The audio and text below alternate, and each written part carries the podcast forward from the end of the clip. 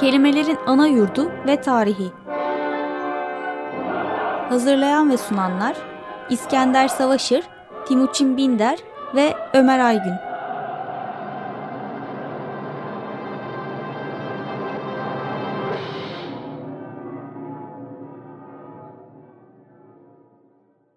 İyi akşamlar efendim. Geçen hafta yar kökünün açtığı yolda ilerlerken bir takım yargılara varacağımızı yani yargı kelimesi üzerinde duracağımızı, fiili ve anlam alanı üzerinde duracağımızı söylemiştim. Sözü Ömer Aygün alıyor. Evet çok o, işlek bir kök e, üzerinde gidiyoruz e, haftalardır yar kökünden ve bu e, işlekliğin kendini gösterdiği yerlerden bir tanesi de yargı ve onun etrafındaki anlam alanı gene burada bence ilginç olan şey bir anlamda olumsuz ve yıkıcı gibi görünebilecek bir kökten gayet olumlu ve gayet yapıcı sözcüklerin türüyor olması, anlamların türüyor olması. Yargı da bunlardan bir tanesi. E, yargının yarmak gibi e, bir kökten gelmiş olmasının bence çarpıcı taraflarından bir tanesi şu. Başka pek çok dilde de yargıya denk düşen sözcükler yarmak fiiline denk düşen fiillerden türemiş. Bunun e, bir örneği İngilizce'de des, decision, Fransızca'da desisyon e, sözcüğünün aynı biçimde Latince kido e, fiilinden gelmiş olması ki e, demek ki karar ya da yargı anlamındaki sözcük e, gene kesmek anlamındaki bir fiilden türetilmiş Latince'de ve Latinceden sözcük alan e, Batı dillerinde. Bir başka Batı dilinde Almanca'da da e, yargı anlamına gelen sözcük Urteil sözcüğü de gene benzer bir biçimde e, kesmek, bölmek, yarmak anlamına gelen e, Teilen fiilinden e, türetilmiş ve hatta Hegel'in, Hölderlin'in bu konularda e, pek çok spekülasyonu ve e, yorumu da vardır. Buradaki Taylen e, fiili aynı zamanda or, bir ortaçağ işkencesi olan hatta Almanca'daki Urteil sözcüğü ortaçağ işkencesi olan Ordeal ya da Fransızcasıyla Ordeli işkencelerini ifade eden sözcüklere de e, yansımış. Türkçe'de aynı biçimde Tayland'den e, türemiş bir sözcük, aynı kökten gelen bir sözcük düşünecek olursak benim aklıma tayyör e, geliyor. Demek ki Batı dillerinde de ve Türkçe'de de yargı e, kavramı sıklıkla yarmaktan, kesmekten e, ve bölmekten e, türetilmiş. Demek ki bir yarma fikri burada da olumlu bir anlam taşıyor. Görünür hale getirme, belli hale getirme, karar verilebilecek bir hale getirme e, gibi anlamlar taşıyor. E, Arapçada kaza sözcüğü yani yargı anlamındaki kaza, kaza ve kader dediğimiz zaman kastettiğimiz kaza sözcüğünün kökeninde de e, kesmek ve bölmekle ilgili bir fiilin olduğu söyleniyor.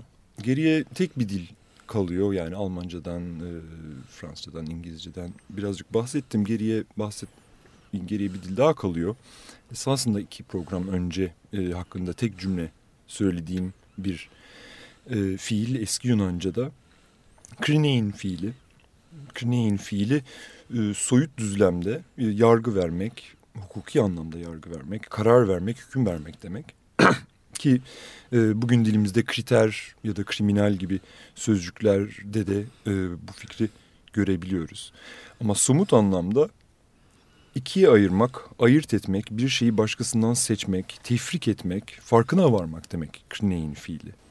Ee, buradan bir esasında krizise gelmeye çalışıyorum e, yavaş yavaş. Çünkü krizis e, aynı zamanda bir karardı demek. Bir şeyi ikiye e, ayırma anlamına geliyor. Hatta e, aistezis yani duyum ya da algı diyebileceğimiz şey e, en azından Aristoteles'e göre e, kritik bir şeydir. Yani içinde kriz barındıran bir şeydir. Yani iki şeyin e, birbirinden ayırt edilmesi ne dayanır? Dolayısıyla e, duyum ya da algı dediğimiz şey esasında e, bir nesneyi olduğu gibi kabul etmek değil, esasında bir e, nesneyi başka bir şeyden ayırt etmeye dayanır. Tam anlamıyla fark etmeye dayanır. Dolayısıyla bir fark esastır duyumun olabilmesi için. Ee, Aristo'nun verdiği basit bir örnek. Şu vücudumuzla aynı ısıda olan bir suya dokununca bunu fark edemeyiz. Dolayısıyla algılayamayız. Ya benim hemen aklıma şöyle bir şey geliyor. Ben habire müziğe doğru kaydığım için çok ünlü örnektir. Tek bir sesi ben şimdi size işittirmeye başlarsam bir süre sonra işitmez hale gelirsiniz.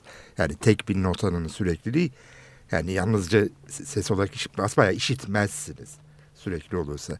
Yani sesi duyabilmek için ikinci bir notanın ancak gelmesi lazım. Yani melodi ya da ses diye bir olgunun var olabilmesi için o senin dediğin farkın ortaya çıkması gerekiyor önce.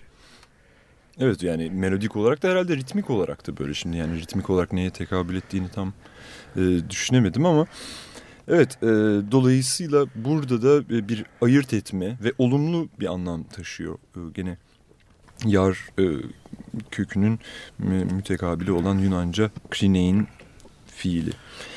Buradan da esasında gelebileceğimiz e, birkaç yer var. Biraz e, dağınık belki olacak ama e, aynı kökten, Yunanca krinein ile aynı kökten gelen Yunanca, e, Latince bir fiil olan kernere gene çok işlek bir kök. Bu kernere fiilinden İngilizceye, Batı dillerine, Fransızcaya geçen pek çok sözcük var. E, kribrum aynı kökten gelen bir sözcük ve elek demek. Büyük bir elek demek ve e, yanılmıyorsam Türkçedeki kalbur da aynı kökten geliyor. E, o da iri ve delikli bir elek anlamında. Dolayısıyla eleme fikri esasında yavaş yavaş karşımıza çıkıyor. Bir şeyi bir şeyden ayırt etme ve bu anlamda e, yarmak e, karşımıza çıkıyor. Kernere e, fiilinin yani mastar mastarı kernere olan fiilin e, şeyi bir tane geçmiş zaman ortacı var ki bence e, ilginç bir e, yanı var bu ortacın. O ortaç da kertus. Bizim bugün İngilizce'de certain ya da Fransızca'da certain derken yani kesin anlamında kullandığımız e, sıfat esasında gene bu kernere fiilinden geliyor. Yani eleğin üstünde kalmış anlamına mı geliyor? Evet herhalde. Herhalde evet. Yani elemekten biraz daha devam edeceğiz ama küçük bir şey daha ekleyeyim. Gene yarmak anlamındaki bir fiilin, kesmek anlamındaki bir fiilin olumlu ya da yapıcı bir anlam kazandığı bir örnekte e, bu krinein fiilinin, Yunanca'daki krinein fiilinin orta çekimi, orta çatısı. O da krinestai fiili açıklamak anlamına geliyor. Çok anlamlı bir biçimde bana kalırsa. Evet. Bütün bunların e, vardığı e, yani en azından batı dillerinde bu köklerin vardığı e, başlangıç Hint Avrupa ilk Hint Avrupa dilinde var olduğu tahmin edilen bir kök esasında Krei kökü K-R-E-I kökü. Dediğim gibi bu hipotetik bir kök yani o kökün varlığına ilişkin elimizde pozitif bir belge yok ama böyle bir kökün var olmuş olması muhtemel görünüyor ki bu kökte elemek demek ve en azından benim baktığım kaynakta iyi ile kötüyü ayırmak anlamında elemek demekmiş. Beni burada yadırgatan bir şey var. Bu kadar eski bir toplum yapısında bu kadar yani bu Timuçin'in alanına müdahale etmeye başlamış oluyor. Yani iyi ile kötü fikri mesela en eski destanlarda karşımıza çıkmıyor. Yani İlyada'da iyiler ve kötüler diye yani düşmanlar, dostlar, müttefikler, savaşılanlar var ama iyi kötü yok. Gılgameş'te de net bir şekilde yok. Yani o anlamda ahlaki bir mutlakiyet taşıyan yani aslında Timuçin'e şunu sormak istiyorum şimdi. Eski Türk toplumunda yani bu şekilde iyiyi kötüyü ayırt etme, adalet, yargılama. Şimdi yalnız kelimelerle ilgili de olarak da sormuyorum. Pratikle ile ilgili bir şeyler biliyor muyuz? Nasıl kaynaklar bu noktada? Yani Orta Asya yani Bozkır Türkleri hakkında konuşmaya başladığımızda aslında elimizde çok fazla bir şey yok ama demin Ömer'in söylediklerini dinlerken aklıma bir şey geldi. Yani Türkçe'de de yargı kelimesi yarmaktan geliyor. Yani bir şeyi daha anlamlı parçalara bölmek. Daha sonra tabii düzenleme kelimesi yaratı olarak da yaratmak olarak da ortaya çıkıyor. Şimdi burada bir kalabalıklaşmaya da yani kalabalıklaşmanın olduğunu da fark etmemiz gerekiyor. Yani toplumlar kalabalıklaşmaya başladıkça yani uğraşılacak iletişimsel yük büyüdükçe aslında parçalara bölme ihtiyacı beliriyor. Çünkü yani çok basit toplumlarda 5 kişilik, 6 kişilik ve 10 kişilik topluluklarda yani böyle bir yargıdan bahsedilmiyor. Çünkü orada çok daha kolay çözülüyor. Yani bu biraz da insanın biyolojik kapasitesiyle ilgili bir şey. Yani insan belleği sonuçta belli miktarda yükü kaldırabiliyor. O miktar aşılmaya başlandığı zaman parçalara ayırmak gerekiyor ki anlaşılabilsin. Şimdi yargı da karşımıza böyle bir kelime olarak çıkıyor. Bizim şansımız yani bu kelime belki Hint Avrupa dillerinde kaybolmuş olabilir bu başlangıç ama bu Orta Asya Türklerinde daha net görebiliyoruz bunu. Yani araya çok fazla başka bir şey girmemiş. Yani Orta Asya Türkleri sonuçta pastoral bir yaşamdan doğrudan 13. yüzyılda Orta Çağ medeniyetleriyle tartışıyorlar. Ve zaten yargı kelimesinin yaygınlaşması da bu döneme denk geliyor. Yani Cengiz Han'la birlikte bir yargı uğraşısı başlıyor. Demek ki belki de burada hani daha kalabalık bir toplum düşünmemiz gerekiyor. Böyle bir ihtiyaç belirmiş. Yani belki kabileler, boylar birleşmeye başlıyor ve de bu birleşme sırasında daha karışık oluşumlar ortaya çıkartılıyor. Yani Cengiz Han'ın bunu yaptığını biliyoruz. Boyları dağıtıp daha farklı bir şey ortaya çıkartmaya başlamış. Yani birbirlerine karıştırıp ortaya daha farklı bir bütün çıkartmak istemiş. E, yargı da bu devrede daha da anlamlı olabilir aslında. Çünkü bu yeni bütünü parçalara ayırma ihtiyacı var. Çünkü eski boy düşüncesi artık çalışmamaya başlıyor. Zaten Cengiz Han da bunu yok etmeye çalışıyor. Yani bu boylar kendi işlerinde birbirlerine bağlı oldukları için kendisine bağlı veya daha kolay yönetebileceği bir sistem oluşturmak için boy anlayışını ortadan kaldırmaya çalışıyor. Yani tamamen kaldıramıyor tabii. Ama işte burada bu boylar arasındaki e, çatışmaları, sorunları e, çözmek için böyle bir kelime kendiliğinden ortaya çıkmış olabilir. Yani daha anlamlı hale getirmek için çatışma konusunu parçalara bölüyoruz. Ama iyi kötü olayına ya o konuda bir şey söylemek zor aslında. Yani orada doğal olarak bu yargı işleminin sonucunda haklı olan tarafı belirleme var. Ama bunu iyi ve kötü olarak anlamlandırmışlar mı? O konuda bir şey söyleyemiyorum. Yani pratiksel olarak şu anda haklı olan bu gibi bir sonuca varmış olabilirler. Ama iyi daha farklı bir şeye karşılık geliyor diye düşünüyorum. Yani Homeros'ta da yani iyi ve kötü e, varsa ki bir anlamda var o anlamda şu e, güçlü ve güçsüz daha ziyade var. İşini iyi yapan ve iyi yapamayan daha ziyade var. Tabii ki burada Nietzsche'yi de e, Nietzsche'nin söyledikleri de bana kalırsa büsbütün yanlış değil. Dolayısıyla iyi ile kötü bir anlamda var ama ahlaki fikirler değil bunlar. Daha ziyade fizyolojik e, anlamları e, daha geçerli. E, Timuçin konuştuğu zaman esasında Timuçin sana e, küçük bir soru çünkü e, hatırlamaya çalışıyorum.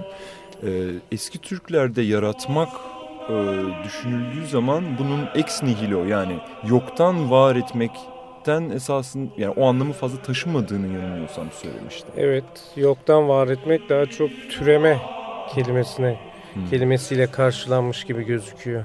Bu, bu, bu ilginç bir şey çünkü geçmişe doğru baktıkça yani e, eski dillere baktıkça e, yaratmaya denk düşen e, kavramlar daha doğrusu sözcükler e, ex nihilo bir yaratımı e, düşündürmüyor bize. Basit bir örneği olarak e, Latince crescere e, yoktan var etmek hatta yapmak anlamına gelmiyor. E, boy atmak, serpilmek anlamına geliyor Türkçedeki crescendo sözcüğünde de karşımıza çıktığı gibi ve eski Yunanca'da da yaratmak anlamında bir sözcük tam anlamıyla yok. Poieo var o yapmak ya da etmek demek. ya da e, bir diğer fiil daha var o da fuein fiili o da yok bir şeyi yoktan var etmek anlamına hiç gelmiyor. O da boyatmak, kreskere gibi e, gelişmek, serpilmek e, anlamına geliyor. Galiba sözü şimdi benim almam gerekiyor. Bir kere şu fonda çalan müziği de açıklamak için ama anlaşılan şöyle bir manzarayla karşı karşıyayız. Geçen hafta konuştuklarımızı da düşünerek şimdi konuşacağım. Bir yarımlar var, yarılma var ve yarımlar birbirleriyle kavga etmeye başlıyor.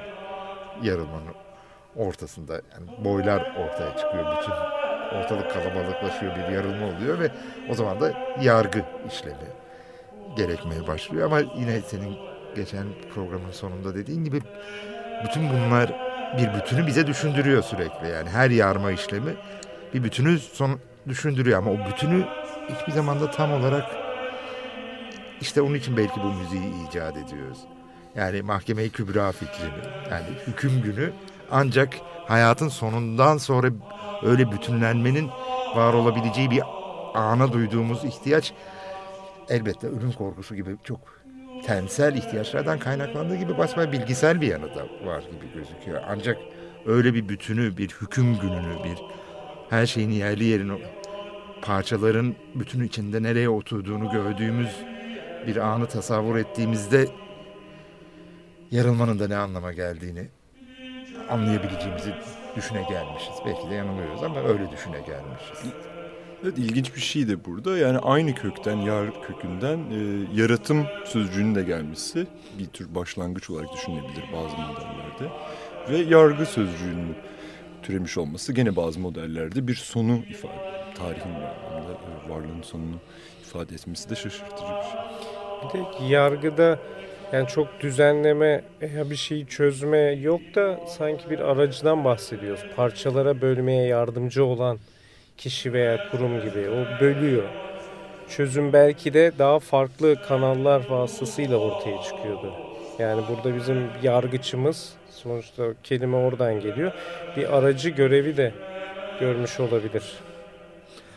Peki ben bu noktada dinleyicilerimizden bir kusur ettikse yargılarında esirgeyici, bağışlayıcı davranmalarını rica ederek sözlerimize son vereyim. Gelecek hafta hala bu kavram civarında dolaşıyor olacağız. Umarım bıktırmamışızdır.